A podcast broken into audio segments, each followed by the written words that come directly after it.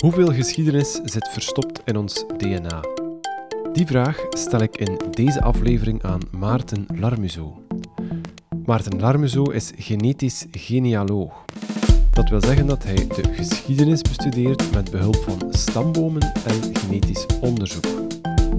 Hoe ontdekt hij het verleden in ons DNA? Je hoort het in deze aflevering van Vraag het aan. Dag Maarten. Dag Kim.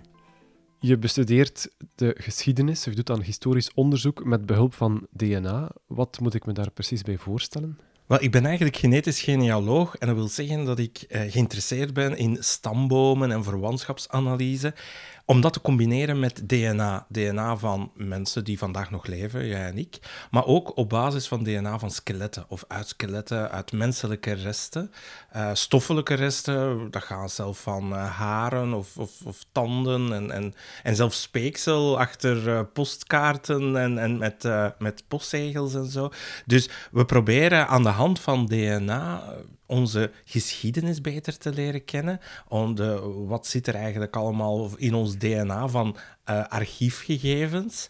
En uh, ja, dat heeft heel wat toepassingen, medisch, forensisch, uh, maar vooral ook maatschappelijk. En over onze eigen geschiedenis, wie zijn we, van, waar komen we vandaan. Dus al die nieuwe inzichten die we krijgen eh, door de link te maken tussen geschiedenis en DNA, dat verandert eigenlijk ons uh, nu heel sterk, want we zitten midden in een uh, genetische revolutie die de geschiedschrijving ook uh, verandert. Ja.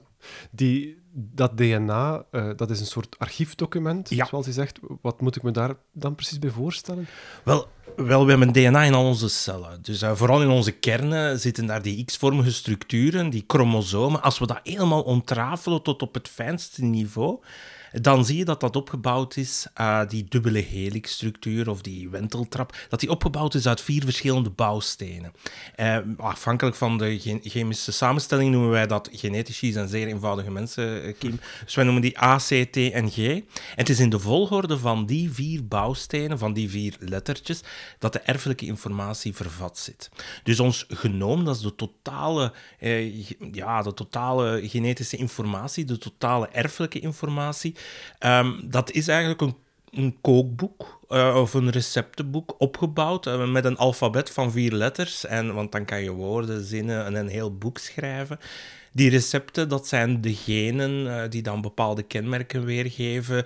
Um, en ook andere regio's in ons genoom gaan daar dan op aansturen welke genen er wanneer worden aangesproken enzovoort. Um, dus je zou kunnen zeggen dat is een kookboek. Maar nu en dan veranderen wel uh, bepaalde lettertjes, mutaties, en die stapelen zich op in ons genoom. En op die manier is het ook een archiefdocument die we over hebben geërfd van onze ouders, grootouders, overgrootouders. En kunnen wij op verschillende tijdstippen van onze evolutie en onze geschiedenis daarvan informatie halen uh, over uh, uh, migraties die gebeurd zijn, hoe dat, hoe dat dieren zijn geëvolueerd enzovoort. En dus op die manier is ons DNA effectief een archiefdocument met vier verschillende letters. Dus op zich, Kim is genetici, dat, dat zijn heel gemakkelijke mensen, om het zo te zeggen, een heel gemakkelijk beroep. Wij moeten gewoon maar teksten lezen van vier letters uh, en kijken van ah, op die plaats uh, heb ik een A en Kim heeft daar een T en, en wat betekent dat? Het enige moeilijke is dat we twee keer drie miljard van die lettertjes hebben. Dus moet nog, nog iets moeilijkheid hebben. Um, en, en dus ons DNA is een archiefdocument die wij in kaart brengen door die lettertjes uh, te lezen. Ja, je zegt makkelijk om het te lezen, maar ik kan me toch moeilijk iets bij voorstellen als je bijvoorbeeld mijn uh, DNA zou ontrafelen hoe begin je dan om te zoeken naar uh, die persoon stamt af van, ik zeg maar Italiaanse voorouders? Uh, ja, hoe zie je dat in, in die genen? Wel, we hebben twee manieren. We hebben enerzijds kunnen we vergelijken met alle andere mensen wereldwijd. We, we, ver, we, vergelijken uw DNA met dat van mensen in Italië, met mensen hier in, in Vlaanderen, in Leuven of in Antwerpen, uh, met mensen in Afrika, Azië, en we vergelijken die. maar anderzijds hebben we ook nog een tweede bron, een tweede archief. En dat is de mensen die hier voor ons zijn gegaan op, en die we via archeologische opgravingen kunnen um, analyseren. Dus we kunnen daar dan DNA proberen uit te halen uit die skeletten, uit de menselijke resten uh, van uh, personen die ons vooraf zijn gegaan. Dus dan hebben wij ook die tijdsdimensie. En op die manier kunnen we afleiden uh, wat onze geschiedenis is en onze evolutie. Ja. Hoe lang gaat dat DNA mee op die, die overblijfselen? Wel, uh, dat is een, uiteraard een heel belangrijke vraag. Van zodra iemand sterft, of iemand laat DNA achter op een plaats of zo, um, via uh, speeksel of, of andere, uh, of bloed, dan gaan die ketens, die DNA-moleculen, beginnen splitsen, beginnen afbreken. Dat is niet goed. Want wij gaan juist uh, die informatie uithalen uit de, uit de volgorde van die lettertjes. Als, als dat DNA begint af te splitsen en te breken, ja, dan verliest dat eigenlijk zijn uh, informatiewaarde. Uh, dat heeft een, een tijdsdimensie. Uh, dus een, een halveringstijd en zo. Je kent dat uh, zoals bij andere isotopen bijvoorbeeld, dat er natuurlijk een, een tijdsbeperking daarop is.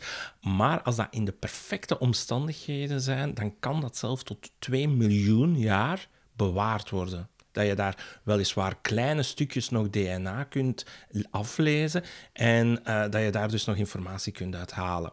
Wat zijn de slechte omstandigheden? Dat is ten eerste warmte. Uh, ten tweede, temperatuurschommelingen. Dat heeft DNA-moleculen ook niet graag. En ten derde, vochtigheid. Uh, ja, daarmee, wat is de beste plaats om DNA te bewaren in de diepvriezer. Dan mag je natuurlijk de stekker er niet uit uh, doen. Uh, maar uh, vooral ook natuurlijk de permafrost in, in het noorden, in Siberië, in koude regio's.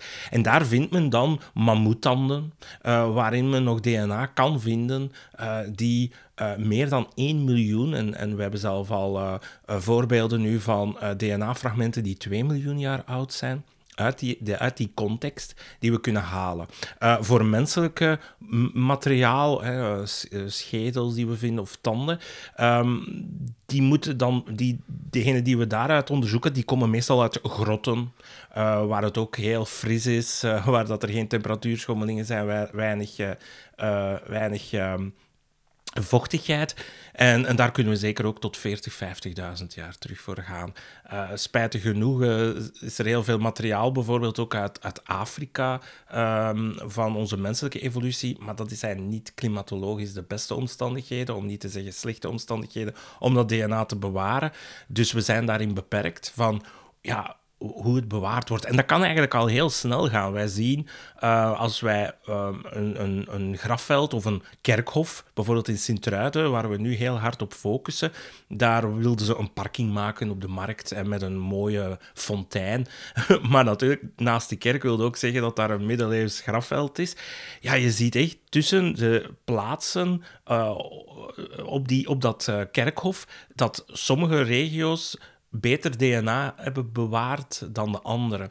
Bijvoorbeeld dichter tegen de kerkmuren ga je veel beter DNA-kwaliteit hebben dan verder, want die hebben meer in de schaduw gezeten. Het zit soms in heel kleine details of waar er een plas heeft geweest ofzovoort. Dus je kan ook niet aan een aan tanden of aan de bottenstructuren zien van hier zit DNA of niet altijd is het the proof of the pudding. Nu, mhm. ik zie uw vraag al stellen. Kim, sorry. Van waar, wat gebruik je eigenlijk het best voor DNA? Uh, wel, wij zijn ver, uh, verzot eigenlijk dan op tanden. Waarom tanden en vooral kiezen? Dat zijn heel goede ingekapselde moleculen die daar nog aanwezig kunnen zijn. Ik zeg altijd kunnen. Um, dat is goed ingekapseld. Er mogen natuurlijk geen haatjes zijn, maar ja, vroeger had men niet die suiker uh, die we vandaag hebben. Um, maar um, ja, dus daar, als we dat slijpen in een zeer uh, steriel laboratorium met steriele pakken, handschoenen, uh, mondmaskers, haarnetjes enzovoort, dan uh, we slijpen dat tot, tot eigenlijk ja, diep in, in, in de pulp, om het zo te zeggen. Dan kunnen we daar DNA-moleculen nog vinden. Een tweede alternatief is aan het rotsbeen, dat is ter hoogte van onze slaapoor. Uh, daar heb je ook dens materiaal en dat uh, zijn wij ook uh, voorstander van om daar het DNA uit te halen. Dat werkt ook vrij goed, maar dan maken we de schedels meestal kapot en dat hebben die archeologen niet graag, zeker niet van een heel uitzonderlijke Neandertaler-schedel of zo. Of van andere schedels die, die, die we dan niet meer kunnen tentoonstellen. En daarmee dat we ons meestal focussen op tanden, want iedereen kan wel een tandje missen. Maar je hebt dus wel altijd het DNA nodig van vondsten, eventueel in combinatie met het DNA van mensen die nog leven, om te kunnen conclusies trekken. We hebben al heel wat dat we kunnen zien ehm, tussen, eh, over de geschiedenis tussen mensen die vandaag leven. We kunnen heel veel zien. Ehm, we, kunnen, uh, we kunnen daar heel veel uit opmaken, maar natuurlijk we weten niet wanneer zijn die structuren effectief ontstaan. We kunnen dan wel gissingen maken, maar door dan effectief opgravingen te doen, kunnen we uh, zeker daarover zijn wanneer die uh, uh, migraties of zo zijn gebeurd. Dus de combinatie is het best. We kunnen al heel veel uithalen uit ons DNA vandaag, maar dan zien we ook alleen maar mensen of, of DNA van mensen die nakomelingen hebben gehad tot vandaag. En dat kan ook anders zijn in het verleden. Wat dat wij nu zien, mensen die vandaag leven, ja, dat zijn eigenlijk nakomelingen van de mensen die succes hebben gehad in het verleden. Dus het is altijd goed om ook op skeletmateriaal te gaan kijken en die uh, tijdsdimensies te bekijken. Ja, dus de mensen die die, die het slecht gedaan hebben, daar dreigt de geschiedenis verloren te gaan als je ook niet met fondsen uh, werkt. Absoluut. En we kijken ook demografisch naar een heel grote populatie. En dat is juist zo leuk aan geschiedenislessen. Dat verandert nu wel. Maar vroeger als kind, dan, dan zat ik altijd te moeten leren over uh, de Peloponnesische oorlog of, en, en, en, en, en koningen enzovoort ja, DNA is, is de grote massa dat we eigenlijk bekijken. Hè? De, de, de grote populatiestroom. Uh, welke migraties hebben effectief invloed gehad?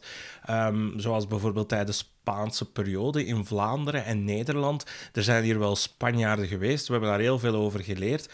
Maar die moeten wel heel veel nakomelingen gehad hebben om impact te had uh, op ons DNA, wat niet het geval is geweest. Of de vikingen bijvoorbeeld ja, daar zien we geen, in onze contraien, Vlaanderen en Nederland, geen genetische sporen van terug. Die zijn hier wel geweest, die hebben hier wel rondgetrokken, maar die hebben hier niet gigantisch aantal kinderen gekregen. Die zijn hier niet gaan bewonen, zoals ze dat wel in Engeland hebben gedaan. Vandaar dat wij hier geen DNA vinden van vikingen bijvoorbeeld. Dus het gaat wel over grotere groepen en niet zozeer over uh, individuen en kleinere uh, veldslagen of zo. Dus we kijken naar de, de demografisch uh, naar de grote populatie en niet enkel naar de toplaag van de elite waar we meestal hebben over geleerd. Ja, als we eens zo ver mogelijk terugkeren in de tijd. Bij de mens. Bij de mens, ja. ja. Wat kan het, het, het oud-DNA-onderzoek ons, ons leren over de stamboom van de mens, over het ontstaan van de mens? Ja, dat wij eigenlijk een hybride soort zijn. Dat, we, dat, dat onze menselijke evolutie enorm complex is. Uh, meestal werd dat vroeger afgebeeld, zo uh, een aap die dan begon rechtop te staan en dan kwam opeens de mens en nu zit, zit hij achter de pc. Uh, um, maar um, ja, dat beeld is volledig veranderd. We zien dat ook meer en meer ja, vondsten in Afrika die zeggen van we geraken er hier niet aan uit. We hebben hier te weinig vondsten om, om een beeld te scheppen over dat de mens geëvolueerd is. Wat hebben wij wel gedaan eh, of kunnen doen? En dat is eh, het werk van Svante Pääbo, die dit jaar of in 2022 de Nobelprijs voor geneeskunde heeft gekregen. Die heeft voor de eerste keer mogelijkheid gehad om Neandertaler DNA te bestuderen. Daarvoor wisten wij echt helemaal niet. Dat was een groot debat. Zijn dat onze neven? Zijn dat onze uh, verre verwanten? Uh, zijn dat eigenlijk onze voorouders? We wisten het eigenlijk niet. Uh, we zagen gewoon dat die helemaal anders eruit zagen dan de huidige moderne mens. Maar ja, wat zegt het DNA? Het DNA, men heeft dat dan helemaal geanalyseerd, zoveel mogelijk lettertjes afgelezen. En wat blijkt? Dat wij hier in niet-Afrikaanse populaties allemaal minstens of rond de 2% Neandertaler DNA hebben. We hebben dat dan getoond bij het verhaal van Vlaanderen, bij uh, Tom Waas. We hebben heel veel in zijn DNA gevonden, maar daar mocht ik niks over zeggen, maar wel over die Neandertalers DNA. We vonden bij hem 2,1% dat eigenlijk afkomstig is niet van de Homo sapiens die uit Afrika getrokken is uh, eh, 70.000 jaar geleden, maar hij, hij, en eigenlijk alle niet-Afrikaanse uh, mensen hebben nog altijd sporen van een hybridisatie of een kruising die er geweest is, toen zij gewoon letterlijk seks gehad hebben, tussen de Homo sapiens die uit Afrika kwam en hier ja, tegen kruiste met uh, de Neandertalers die hier al tienduizenden jaren eerder in Europa rondtrokken. En dan, ja, dat is een ongelooflijke nieuwe inzicht geweest. Vandaar dat hij ook de Nobelprijs heeft gekregen, Sven T. Um, omdat het ons leert over hoe ons DNA ook is opgebouwd, uh, welke fases dat dat gekregen heeft. Maar ook die 2% die wij allemaal hebben. Uh, hier in het Westen en in Afrika, en, en uh, in Afrika dus niet, maar wel in het Westen en in Azië en zo. Wat dat we daar zien, is dat die 2% niet zo lucraak is. Dat daar ook bepaalde uh, aandoeningen of kans tot aandoeningen zitten, bepaalde kenmerken die relevant zijn voor de pigmentatie. Dus dat we effectief ook genen hebben van die Neandertalers die vandaag nog effect hebben. Zo is bekeken dat, uh, uh, dat er bepaalde varianten zijn die we gekregen hebben via die Neandertalers, uh, die onze voorouders dus zijn, die ons maken dat de ene persoon meer uh, of zwaardere COVID heeft gehad bij een uh, coronabesmetting dan de andere. Uh, dus het heeft ook voor medische heel wat toepassingen dat we die onze achtergrond kennen.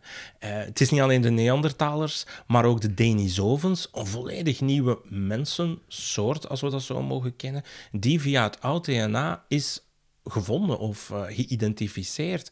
Een klein, klein stukje van uh, een, een uh, pink, een bot in de pink.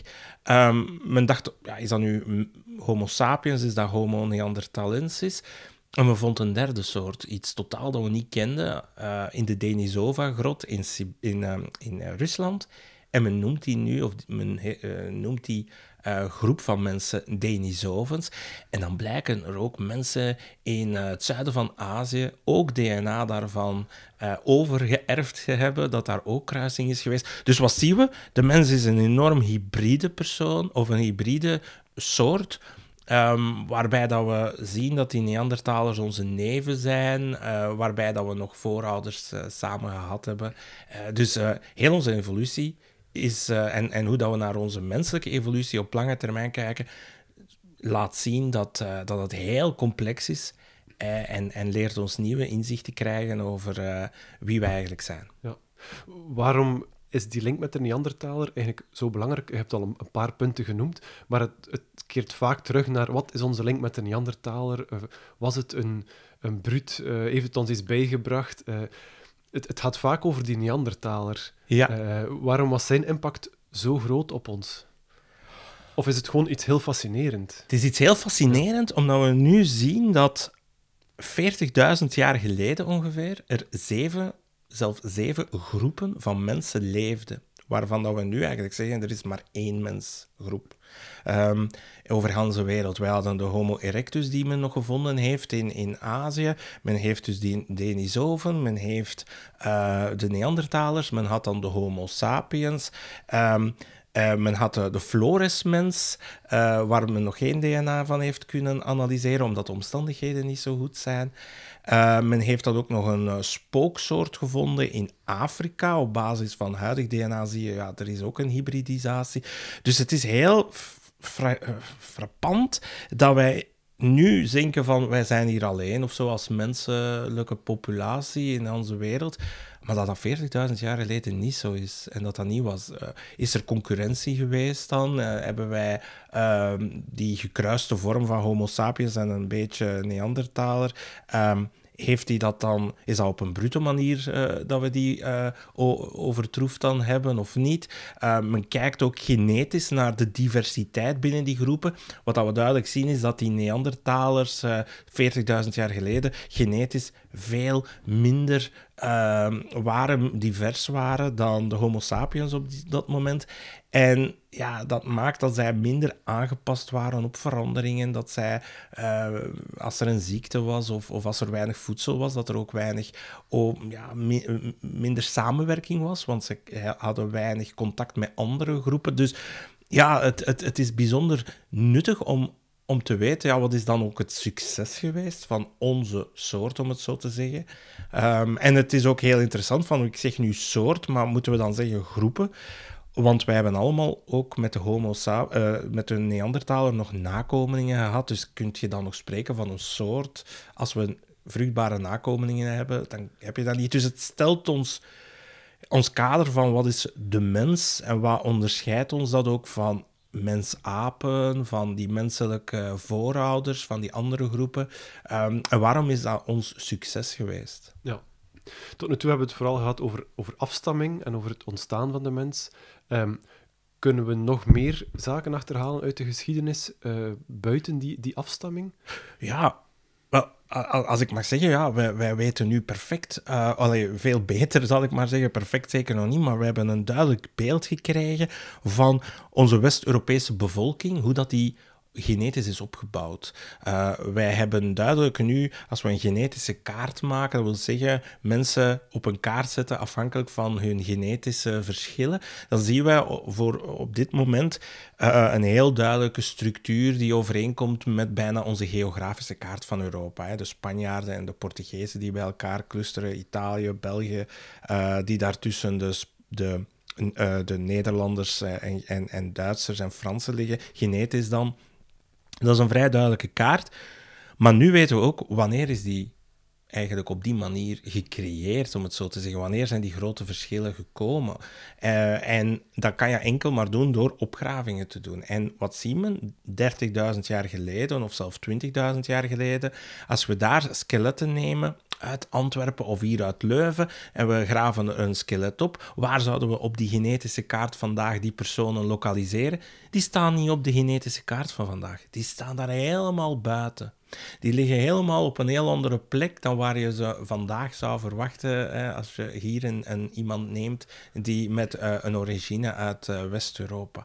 En dat waren dan de jager-verzamelaars. En, en dan zie je dat wij niet de rechtstreekse nakomelingen zijn van hen. Wij hebben allemaal de, de West-Europese uh, bevolking hè, met West-Europese roots, hebben 10% nog van die jager-verzamelaars. Die zagen er ook donkerder uit. Uh, als je het in verhaal van Nederland, verhaal van Vlaanderen bekijkt, die eerste die hier rondtrokken in onze contrij, die zagen er donkerder uit. Dat zien we in hun DNA en dat gaan we dan op basis van onze huidige genetische kennis, uh, is dat onze hypothese, dan zij inderdaad er donker uitzagen. Wanneer zie je een, een, een grote verandering in die genetische uh, in dat genetisch patroon. We zien dat bij de introductie van de landbouw. En dat is ongeveer in onze contraien 7000 jaar geleden, dus 5000 jaar voor Christus. Dan zien we mensen die genetisch weer helemaal anders eruit zien. Ze zijn nog niet onze West-Europese uh, uh, genetische uh, populatie, zal ik maar zeggen. En dat is dan bijvoorbeeld de ijsmummie Utzi die we dan gevonden hebben. Die zouden we nu genetisch niet tot Europa rekenen, als we dat zouden doen of willen doen. Wanneer zie je wel, van wanneer zie je wel dat er skeletten in onze bodem zitten, zal ik maar zeggen, die heel sterk op ons genetisch vandaag in Europa lijken, dat is vanaf de vroege bronstijd. 4500 eh, jaar geleden. Blijkbaar is er dan een heel grote migratie geweest vanuit de uh, Eurasiatische steppen richting het westen. En is daar ook weer een, uh, een grote migratiegolf geweest die ons veel sterker heeft beïnvloed. Want we hebben vandaag 10% van die westers um, jager-verzamelaars. We hebben 20% van die eerste landbouwers en 70% van ons DNA is afkomstig van die Eurasiatische steppen. Dus de mensen die de hunnebedden hebben gemaakt en Stonehenge, dat zijn wel onze voorouders, maar wel een heel beperkt gedeelte. De meeste zaten toen, als, als wij hier hunnebedden kregen, zaten toen nog van onze voorouders in, in Kazachstan en de Eurasiatische steppen. Ja, dit is ongelooflijk om dat dan samen te leggen met onze archeologische kennis. Om te zien welke migraties hebben effect gehad. En dan zie je ook dat in de laatste 2000 jaar er niet grotere veranderingen zijn gekomen. Er zijn wel migraties geweest en dat proberen wij nu nog verder in kaart te brengen um, voor de laatste 2000 jaar. Maar je ziet dat er, ja, hoe, hoe, dat, dat, die, dat er drie grote prehistorische migraties zijn geweest. Ja. Weten we dan ook wat er met die jager-verzamelaars bijvoorbeeld en die eerste landbouwers is gebeurd? Waar zijn die naartoe getrokken? En omgekeerd weten we ook waarom mensen vanuit het Eurasiatische uh, continent naar hier gekomen ja. zijn. Wel, spijtig genoeg kunnen we geen interviews meer doen. Of zijn er ook geen videotapes. Uh, maar ja, we, we zien wel dat zij grotendeels zijn overgenomen. Of, of ik denk dat die jager-verzamelaars, dat denken we, uh, um, grotendeels zijn over. Ja, dat, dat die eerste landbouwers samengewerkt hebben, maar ja, dat, dat meer en meer heeft overgenomen. We denken niet, we zien geen grote, um, ja, zal ik maar zeggen, uh, kapotte schedels bijvoorbeeld, omdat er uh, oorlog is geweest of zo. Daar kunnen we helemaal niet over, iets over zeggen. We zien gewoon genetisch dat er een, een shift is gebeurd, dat er een verschil is gebeurd. En ook met die Eurasiatische steppen, volkeren die dan naar het westen zijn getrokken. Um, dat weten we ook niet hoe dat, dat gebeurd is. Is dat vreedzaam gebeurd? Is dat niet? Dat kan DNA niet zeggen natuurlijk. Uh, maar, maar we zien wel dat dat gekoppeld is aan archeologische veranderingen natuurlijk. Hè. We zien, uh, heel vaak was de vraag, ja, maar opeens zijn mensen be begonnen met landbouw. En men ziet dat opkomen in het Midden-Oosten. Was dat, um, is dat gewoon cultuurverandering? Zoals ik ook hier nu Coca-Cola drink, daarvoor zit ik niet in Amerika. Dat is, we, hebben dat aange, aangeleerd, om het zo te zeggen. We hebben dat overgenomen, uh, cultureel. Um, maar het kan ook met mensen zijn. En daar moesten we altijd antwoorden van, we weten het niet. Hè. En daar waren dan voorstanders van de ene hypothese en de andere. Maar nu zien we duidelijk dat er inderdaad ook een, een menselijke migratiegolf is gebeurd. Met die Eurasiatische steppen in de vroege bronstijd. Uh, mogelijk, maar ja, dat is daar ook niet 100% zeker. Is dat ook gelinkt aan onze, um, onze talen, onze... Um, Indo-Germaanse talen, uh, de paarden die dan opgekomen zijn, de brons, uh, het gebruik van brons. Dus je ziet daar dat dat, dat niet zomaar uh, niks veranderd is. Je ziet echt wel hele andere culturen, om ook het te zeggen. En nu weten we dat daar een genetische basis ook is, dat daar inderdaad ook migratie is gebeurd. Ja. Kan je in die genen ook culturele zaken zien? Kan je ook afleiden dat mensen rijker waren, uh, internationaler waren, dat er oorlogen waren. Kan je dat soort zaken ook bestuderen aan de hand van DNA? Oh, dat is, ja, je, cultuur en, en, en de link met cultuur en DNA is zeer moeilijk. Je kunt niet talen daarop kleven, dat is dan de hele discussie natuurlijk. Je mag dat niet gaan allemaal met elkaar linken, want dat weten we natuurlijk niet. Maar we zien wel bijvoorbeeld, um, ja, die eerste jaren verzamelaars, die konden geen melk drinken. Dus we weten, de eerste, de, de, een heel gekend voorbeeld is de Cheddar Man. Dat was uh, een skelet, een, vrij goed ge, geconserveerd skelet in Engeland, 10.000 jaar oud. Wordt gezien als de eerste Brit. Men heeft daar het DNA op uitge, uitgelezen. Men zag dat hij veel donkerder was dan gedacht. Dat heeft een hele hetze veroorzaakt. Maar men zag ook dat hij geen melk kon drinken. Uh, of hij, uh, hij, kon wel melk drinken, maar hij kon het niet verteren als volwassen persoon. Hij was lactose intolerant. Dat een genetische, uh, hij heeft een genetische basis. En uh, natuurlijk, ja, als cheddarman dan kon hij zijn eigen cheddar cheese niet opeten of niet, con niet consumeren. maar we zien dan bij de landbouw wel opeens dat die genen een enorme uh, meerwaarde krijgt en, en, en een selectief voorbeeld, voordeel krijgt. En je ziet dan dat wij bijna nu daardoor hier in het Westen uh, eh, 90% en zelfs nog meer is lactose tolerant op volwassen leeftijd. Uh, wat je niet hebt in, in Afrikaanse populaties bijvoorbeeld. Dus je, daarin zien we wel dat er een relatie is met cultuur hè, en dat er een, een evolutie is. Um, maar het is heel moeilijk om daar veel uit te leren. Um, wat we wel zien is bijvoorbeeld uh, in Newgrange in, in Ierland heeft men daar in die hele oude neolithische um, grafmonumenten personen gevonden of skeletten en heeft men die onderzocht. En een van die hele belangrijke graven daar bleek een kind te zijn van een incestueuze relatie. En dat wijst erop dat toen al, zoals bij de farao's, zoals bij de Habsburgers, vaak binnen de familie werd getrouwd om het uh, koninklijk gezag, die meestal van God uh, afkomstig was, um, uh, of, of, of een, een goddelijke of een theologische onderbouw had, um, dat zij dan bleven in hun familie trouwen. En dat zie je daar ook in die skeletten. Maar je kan natuurlijk niet aan een skelet zien of ze rijk was of, of, of arm of zo. Ja. Tenzij met, op de beenderen bestuderen, op tanden, op uh, uh, ook uh, wat heel leuk is, is je mag nooit een skelet zomaar kuisen, Kim, dus als je er een zou hebben.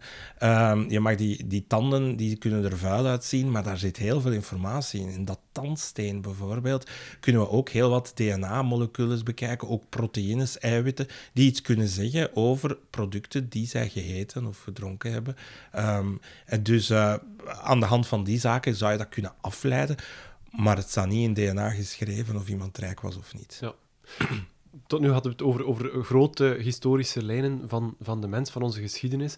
Maar het kan ook een stukje persoonlijker. Onlangs uh, kwam er in het nieuws dat je samen met collega's een beetje in het privéleven van Ludwig van Beethoven gedoken bent op basis van DNA-materiaal, uh, stukjes haar.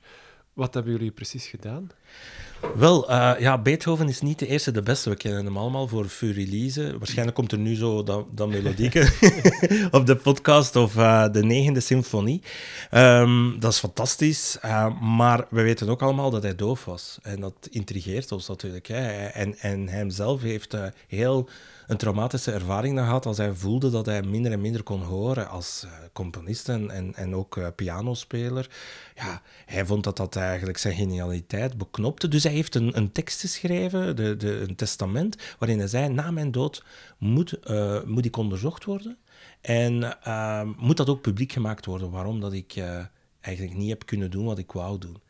En op basis daarvan zijn er heel veel uh, speculaties geweest. Ook, uh, men heeft hem ook uh, onderzocht dan na zijn dood. Heel, tot op vandaag zijn er tientallen hypotheses. Maar wij zeiden van, misschien kunnen we het vinden in zijn DNA. Nu, zijn geraamte opgraven, daar kregen we nooit toestemming voor. Maar hij heeft tijdens zijn leven vaak stukjes haar afgestaan, afgeknipt en afgestaan aan, aan zijn vrienden. dat, dat moet je ook misschien doen, Kim. uh, je weet nooit voor wat het goed is. Uh, maar ook aan, aan um, ja, uh, mensen die hem bewonderden, zijn, zijn fans. En ook op zijn sterfbed hebben er nog vlug een paar mensen een, een reliquie afgenomen door met de schaar in zijn haar te gaan. Nu, die stukjes DNA, of de stukjes haren zijn overal verspreid geraakt, wereldwijd. En we hebben acht van die lokken kunnen verzamelen om daar DNA op te analyseren. Nu, je moet weten, dat gaat over heel kleine stukjes DNA, want er zit ook geen haarwortel aan, omdat het gewoon uh, afgeknipt is. En iemand die veel luistert naar CSI, uh, Miami of, of, kijkt naar die programma's, die weten, er moet een haarwortel zijn. of haarzakjes. Wel, ja, ook in de schacht van, uh, van het haar zit DNA, maar dat zijn heel kleine fragmentjes namelijk 29 bazenparen. Dus dat is gemiddeld, dus dat zijn 29 bouwstenen. En op basis daarvan hebben we het volledige genoom kunnen reconstrueren. Niet het volledige genoom, want soms uh, heel wat van ons DNA is heel repetitief, heel herhalend. En dan kan je met stukjes van 29 uh, eh, lettertjes kan je dat niet reconstrueren. Maar toch wel een heel groot deel van zijn genoom uh, op basis gewoon van afgeknipt DNA. Dus de volgende keer dat je bij de kapper bent, vlug alles bijhouden. Um, maar dan wat er gebeurt er is, uh, we hebben dan die kleine stukjes proberen we dan in elkaar te knutselen, mapping heet dat, om een tegenover een referentiegenoom en zien we welke genetische variatie die daar aanwezig is. Voor ons was het direct heel interessant dat we zagen van die acht haarlokken was er één die niet werkte, totaal niet. Maar vijf was van een identieke mannelijke persoon uit West-Europa. Dat konden we vaststellen. Twee andere waren nog iets helemaal anders en is helemaal niet van uh, um, Beethoven. Het meest bekende haarlokje, de Hillerlok. Um, daar zijn heel veel documentaires over gemaakt, heel veel uh, boeken, een heel, eh, heel interessant boek eigenlijk. En men heeft daar gezien in, dat haar, in die haarlokken dat er heel veel lood was. En daar, dat heeft dan geleid tot de hypothese dat hij een loodvergiftiging had. Nu, dat blijkt nu van een Joodse vrouw te zijn, dat, die haarlok. Ja, dat is de kracht van DNA, om, om dat te identificeren, om dat te bekijken van, is dat inderdaad van die persoon dat we denken te zijn? Nu, die vijf vlokken zijn effectief, kan niet anders op basis van het archief en, hoe dan die verspreid zijn, afgeknipt zijn op verschillende tijdstippen, dat is van Ludwig van Beethoven. We hebben dan gekeken naar, ja, was hij, heeft hij een, een gehoorprobleem omwille van een genetisch defect? Dat hebben we niet gevonden. Maar er kunnen heel veel zaken zijn. Hè. Er kan infecties geweest zijn. Hij kan uh, tinnitus gehad hebben van vaak in concerten te zijn. Uh, er, uh, heel veel omgevingsvariabelen die daar kunnen effect op hebben Een tweede zaak, wat we wel hebben gezien, is dat hij heel veel, of dat hij twee genen had met een grote kans op um, levercirrose, op leverziekte. En zeker weten we dat als dat gecombineerd wordt met alcohol, met veel alcohol. En spijtig genoeg lustte hij wel al eens een graag een glaasje te veel. En uh, dat weten we. En dat gecombineerd maakt uh, dat hij al heel veel kans had op uh, levercirrose en, en daar, dat hij daar kon aan sterven. Maar hij heeft dat ook nog eens gecombineerd met hepatitis B-infectie. Wij zien ook bij oud DNA kunnen we ook van pathogenen zien? Kunnen we kijken naar welke ziekten hebben uh, mensen gehad of welke infecties? Uh, we zouden dat later kunnen doen voor corona, bij wijze van spreken, onze achter-achterkleinkinderen. Dan ze zien, uh, die heeft corona gehad bij zijn dood en met die variant bijvoorbeeld. Dat zouden we ze ook kunnen zien. We hebben dat ook bij um, Beethoven gezien dat hij een hepatitis B-infectie had. Dat allemaal gecombineerd maakt een zeer duidelijke zaak dat hij, uh, want dat schaadt natuurlijk ook uh, de lever, uh, dat hij wel degelijk aan levercirrose is gestorven. Um, wij hebben dan ook gekeken met wie heeft hij nog stukjes DNA gemeenschappelijk wereldwijd. En dat is met die grote DNA-bedrijven die zo grote databanken aan, uh, uh, aan het maken zijn. Hebben we gekeken bij wie heeft hij allemaal stukjes DNA gemeenschappelijk. En dan kwamen we uit bij mensen met voorouders, vooral uit uh, het Rijnland-Westfalen, dus het, het westen van. Um, uh, Duitsland. Maar we vonden eigenlijk niemand met Belgische roots of met mensen met Belgische voorouders. En dat is wel eigenaardig, want hij heeft de naam van Beethoven en niet von Beethoven. Van Beethoven is een Vlaamse naam. En uh, ja, zijn grootvader was van Mechelen. En uh, dus Beethoven, zijn grootvader Lodewijk, dat was een Mechelaar die daar leren zingen heeft. En uh, via Leuven en uh, Luik in Bonn is terechtgekomen. Het was zijn kleinzoon die de belangrijke componist werd, wereldberoemd. Dus we hebben dan gekeken naar mensen die vandaag nog altijd in directe mannelijke lijn verwant zijn aan Ludwig van Beethoven. Die, die heten nog allemaal van Beethoven, want het is een mannelijke lijn. En wij wilden kijken met het Y-chromosoom, komt dat overeen met dat van Ludwig? Nu, we hebben vijf verschillende takken bestudeerd van allemaal uh, van Beethovens. Daar zaten ook een paar Ludwigs tussen, want op een of andere reden is dat populair in de familie, uh, die voornaam. En die komen allemaal samen in uh, Kampenhout in de uh, 16e eeuw bij een boer, Aart van Beethoven, waar een andere zoon van hem geleid heeft tot de tak van Ludwig van Beethoven. Nu, die vijf takken die we bestudeerd hebben van levende van Beethovens, bleken een, allemaal hetzelfde Y-chromosoom te hebben, zijn allemaal afkomstig van die Aart van Beethoven, bio, biologisch althans, maar Ludwig heeft een heel ander Y-chromosoom. Daar moet ergens tussen Ludwig van Beethoven en hart van Beethoven ergens een koekoekskind plaatsgevonden hebben. Dat is, um, kan je zeggen, is dat niet geroddel of zo, maar dat is wel heel interessant voor uh, muziekhistorici, voor biografen, om te weten, ja, wat is er in de familie allemaal aan de hand? Waarom is die familie... Um, ja, er was ook heel veel commotie in die familie, heel veel twisten, alcoholisme in het spel. Um, ja, die context moet je natuurlijk begrijpen, ook om de muziek en die emotie die hij er heeft ingestoken in zijn revolutionaire en innovatieve muziek, uh, ingestoken heeft. Dus die mensen, die biografen en muziek, muziekhistorici en zelfs mensen die zijn muziek willen interpreteren, die willen dat weten. Ja. -hmm. Voor die afstammelingen die dan te weten komen dat ze geen uh, rechtstreekse link hebben met uh, de, de Beethoven, um, hoe is dat voor hen? Wordt, is dat ook niet gevaarlijk om dan, als je je leven daarop opgebouwd hebt, bijvoorbeeld op dat idee, en dan blijkt dat het niet zo is? Ja, absoluut. Het zijn geen afstammelingen, het zijn verwanten. Ja. Hè? Um, maar inderdaad, ja, zij leven al heel hun leven met uh, die familienaam. Overal waar ze komen, uh, er zijn er maar 145 wereldwijd. Die leven zo goed als allemaal in Vlaanderen. Natuurlijk, iedereen zegt, oh, toch geen familie van.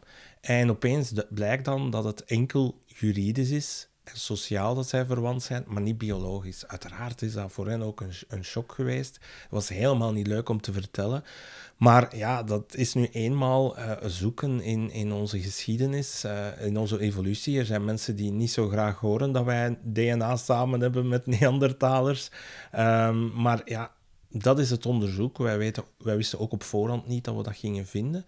Um, maar um, ja, we moeten wel zeker zijn dat we uh, inderdaad ook het recht hebben om DNA van overleden mensen te bestuderen. In dit geval gaat het over iemand die 200 jaar geleden is overleden. Die heeft ook privacy. Um, maar hij heeft het zelf in zijn testament geschreven. Maar we moeten zeker altijd rekening houden met uh, de gevoeligheden, met privacy. Um, we zouden ook kunnen gezegd hebben, we gaan dat niet doen, die verwantschappen. Maar zoals ik zeg, van ja, het kan ons wel nieuwe dingen leren die, die belangrijk zijn uh, over, over interpretatie zelf van kunst, om dat te bestuderen. Heb je zo nog voorbeelden van historische figuren waar we meer over te weten gekomen zijn dankzij DNA-onderzoek? Ja, natuurlijk. De meest uh, uh, gekende is, uh, is Richard III in Leicester. een skelet die men gevonden heeft onder een een eh, parkeerplaats, waar vroeger een oud klooster stond, waar de gekende Richard III, die we vooral kennen van Shakespeare, um, daar begraven zou gelegen hebben. En men vond daar effectief iemand, een skelet met uh, een bochel, zoals hij ook door Shakespeare werd afgebeeld, om het zo te zeggen, of op het toneel werd gezet. Um, dus men had heel grote verwachtingen om te zeggen van ja, dit is Richard III. Maar dan moet je natuurlijk dat via DNA kunnen bewijzen. En dat was dan via een trucje van het mitochondriaal DNA, die ook wordt doorgegeven in moederlijke lijn. enkel van moeder op kind. En met hele verre na, verwanten, hele eeuwen overbrugd heeft men het kunnen identificeren. Dus um, het gaat vooral over identificatie nog eerder met die gekende historische feiten dan, uh, dan, met, um, dan met echt te kijken naar ziektes of zo. En, en daarmee hebben wij met Beethoven wel een volledig nieuw domein, de genobiografie, dat we eigenlijk met DNA nog aan de biografie een nieuw vorm van informatie geven. Ja, dat is toch fantastisch. Uh, uh, we kennen de dagboeken, we kennen mensen, we kennen brieven, die, en opeens kunnen we daar een heel nieuw archiefdocument primair dan uit eerste hand bijleggen en kijken van, ja, zit er in dat DNA sporen die we iets kunnen leren over iemand zijn leven? Ja. Ik ben geen componist, geen koning, maar stel dat ik toch heel veel zou willen weten over mijn geschiedenis, op, recent, maar ook tot zeer ver terug. Wat kan ik allemaal zelf achterhalen of laten achterhalen? Wel, als je dat zelf wilt doen, dan zou ik zeggen, maak je stamboom op basis van archiefdocumenten.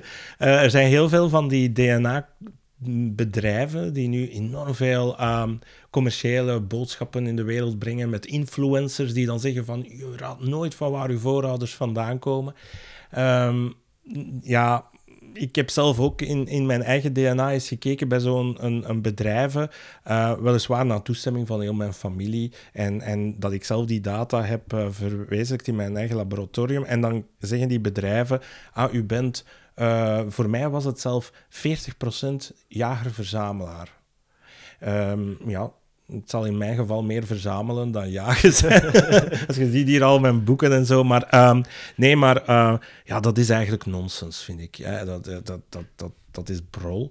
Uh, Neandertaler DNA kan je ook laten meten, maar men doet dat op een, altijd in die verschillende bedrijven op basis van een beperkt aantal genetische merkers.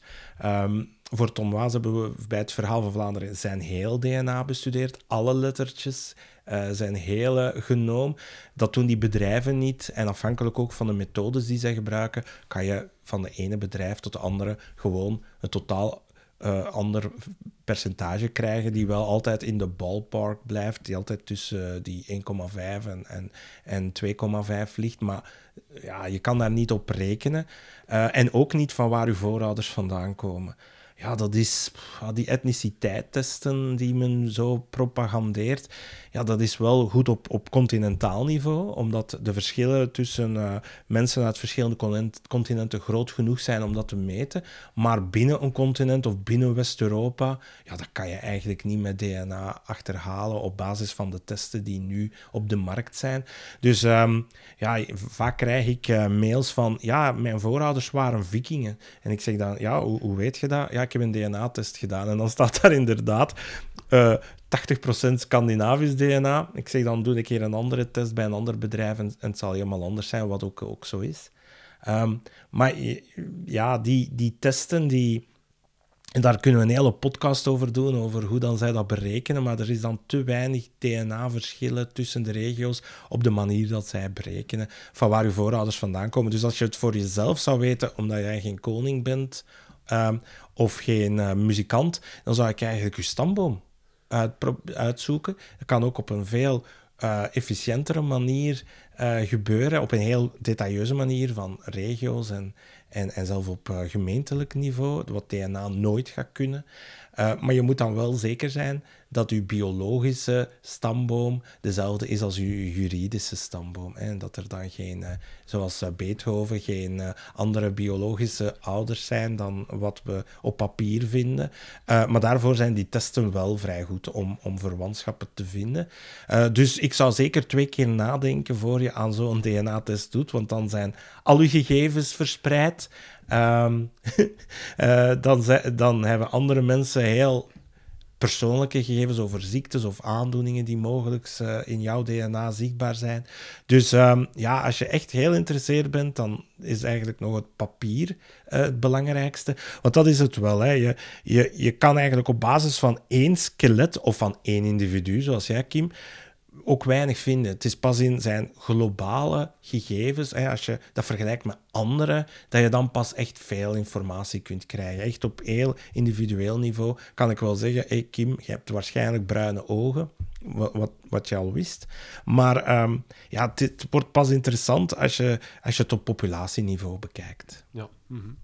Als we ook een zijsprong maken naar um, dieren, planten, gewassen. Uh, we, we hebben als mens altijd toch vanaf dat we landbouwers zijn, samengeleefd met dieren, huisdieren, maar ook landbouwdieren, um, vee. Um, wat, kan je ook uit hun DNA um, informatie halen over onze eigen geschiedenis, over het ontstaan van de landbouw, over evoluties daarin? Ja, absoluut. Dat is, uh, dat is enorm interessant. Uh, de domesticatie van honden, van katten, uh, dat wordt heel sterk onderzocht. Uh, men, kijkt dan van waar ligt de oorsprong van de kat? Of, of zijn er verschillende uh, keren gebeurd dat er uh, bij de hond dat er een domesticatie is of bij de, het paard? En men probeert dan aan de hand van oude skeletten inderdaad daar meer zicht op te krijgen. Maar ook van gewassen. en, en dat kan echt wel interessant zijn ook voor vandaag de dag. Sommige mensen zeggen, ja, kijk eens naar die oude renaissance schilderijen um, waar er fruit wordt afgebeeld. Bijvoorbeeld watermeloenen, die zien er veel smakelijker en, en rijker rijkelijker uit. Is dat niet door onze huidige industriële productie dat die verarmd zijn? Wel, door oud DNA kan men dan zelf van duizenden jaren geleden op, uh, met, bladeren van uh, watermeloen in, in, in, uh, bij, de, bij de farao's gevonden en, en Egyptische mummies, ziet men dat belangrijke genen die we vandaag nog altijd hebben in onze watermeloen, er toen ook al waren. Hè, die het zoet maakten, die, die de vorm creëerden, die de, die de kleur gaven. En dat je ziet dat het eigenlijk allemaal best meevalt met die industrialisatie van die watermeloen. En dus de vergelijking tussen oude stalen, hè, oude um, botmateriaal, bladeren die bewaard zijn, ook in herbariums of in musea aanwezig zijn, in het cabine, in het, uh, of het Dino-museum beter gekend, uh, in Brussel. Die, die collecties die worden opeens bijzonder waardevol om ook te kijken van, zijn er uh, door de huidige overbevissing of fragmentatie van, van reservaten, zo is er een achteruitgang in de genetische diversiteit, of zagen ze er vroeger anders uit, of, of, of hadden ze andere kenmerken. Um, ja, dat maakt dat wij ook veel meer weten over hoe vroeger bijvoorbeeld uh, welke vissen er getransporteerd werden. In de vikingperiode heeft men gezien dat uh, vissen zelf vanaan de kusten van het Scandinavië tot ver diep in, in, in Europa werden geconsumeerd. Ja, dan, dan weten wij ook dat er een andere vorm was, dat we altijd dachten om vissen toen al te bewaren hè, voor, voor consumptie.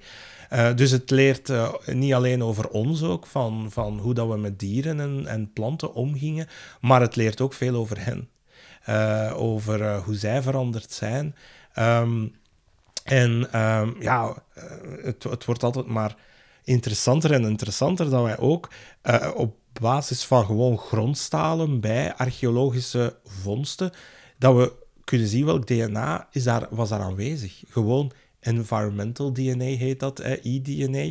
Dat we zien aan de hand van het DNA die we vinden op een, op een, een plaats, dat we zelf de omgeving kunnen in kaart brengen. Welke soorten kwamen daarvoor? Welke planten, welke dieren kwamen er op een bepaald moment in onze evolutie uh, allemaal samen? En, en maakt men nu al reconstructies van uh, het, de omgeving, uh, hoe dat die er 1000, 2000, maar ook 10, 20, 30.000 jaar geleden eruit zag. En onlangs zelf 2 miljoen jaar geleden, waarin dat men uh, zag van uh, welke planten en dieren dat er toen aanwezig waren. -hmm. Genetica betekent dus zeer veel voor het historisch onderzoek. Genetica zelf gaat ook razendsnel vooruit. Er zijn steeds meer ontwikkelingen, het wordt steeds preciezer. Wat mogen we dan verwachten op, op vlak van historisch onderzoek op basis van DNA? Komt er nog heel veel op ons af? Ja, absoluut. Um, de mogelijkheden worden altijd maar groter. Als je ziet nu uh, met, met, uh, met Beethoven, dat hadden we vijf jaar geleden nog niet kunnen doen. We zijn er uh, vijf jaar geleden effectief heel sterk mee begonnen. Maar we kunnen veel meer op, op minder materiaal. Uh, we, we, we, hebben veel meer mogelijkheden om, uh, om dat helemaal zonder besmettingsmateriaal te doen, want dat is het belangrijkste. Want ja, als je zoiets aanraakt, uh, dan is jouw DNA al, al heel snel veel meer aanwezig dan wat er in, in, in die haren aanwezig zit, of in die tanden. Contaminatie heet dat, hè, besmetting. We, we, worden er altijd maar beter en beter in. Um, we, we, krijgen echt nog een enorme explosie aan nieuwe data, die altijd ook maar onze inzichten gaat verfijnen.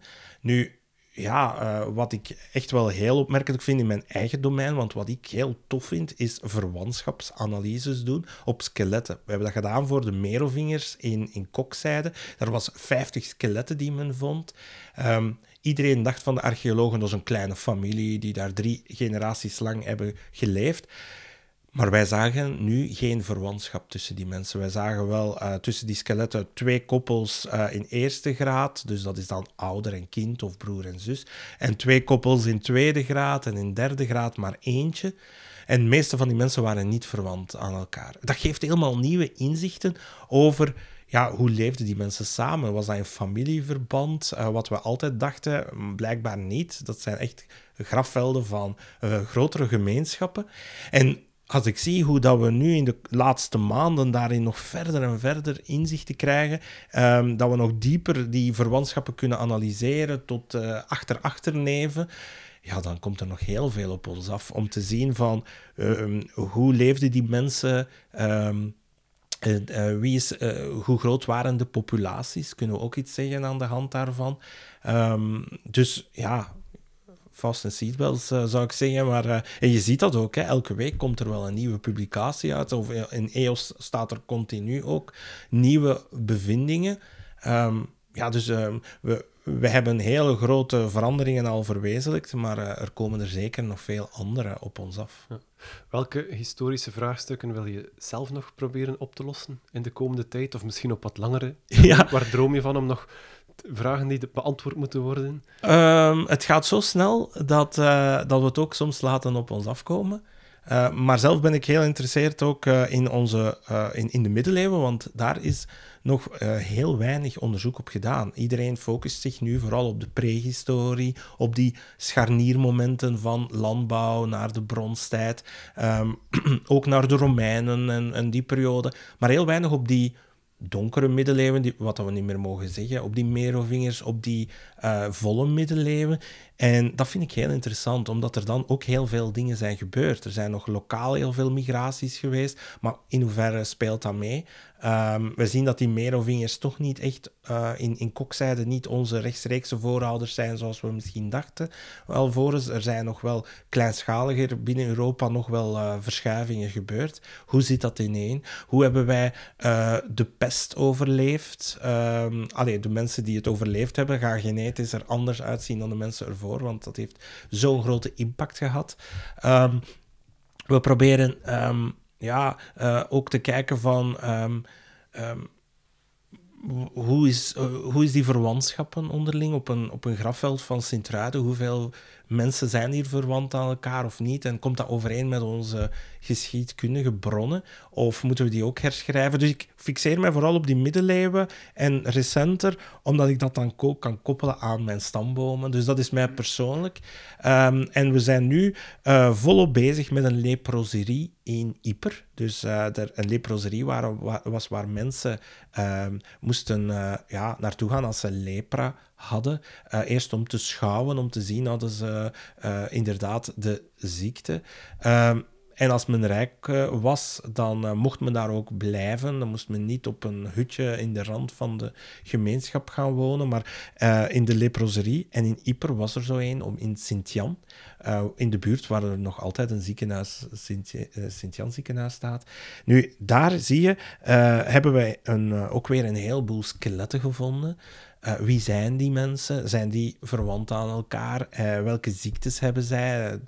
Wij hopen natuurlijk lepra-bacteriën te, terug te vinden en dan te weten van welke van die varianten komen ook in de rest van Europa voor. Dat is nog een, een, een vrij blinde vlek.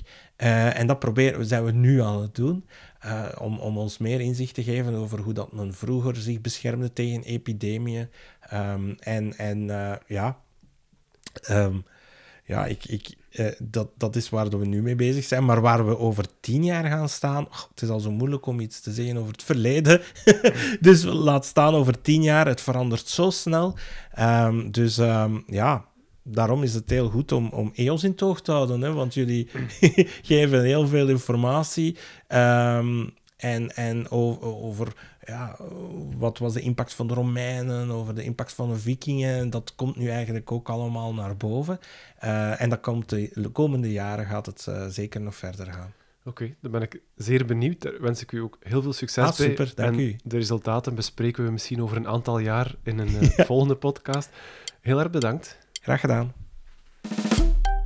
Jullie luisteraars, bedankt voor het luisteren. Meer afleveringen van deze podcast vind je op www.eoswetenschap.eu podcast. En je kan op de hoogte blijven van toekomstige afleveringen door je in te schrijven op onze gratis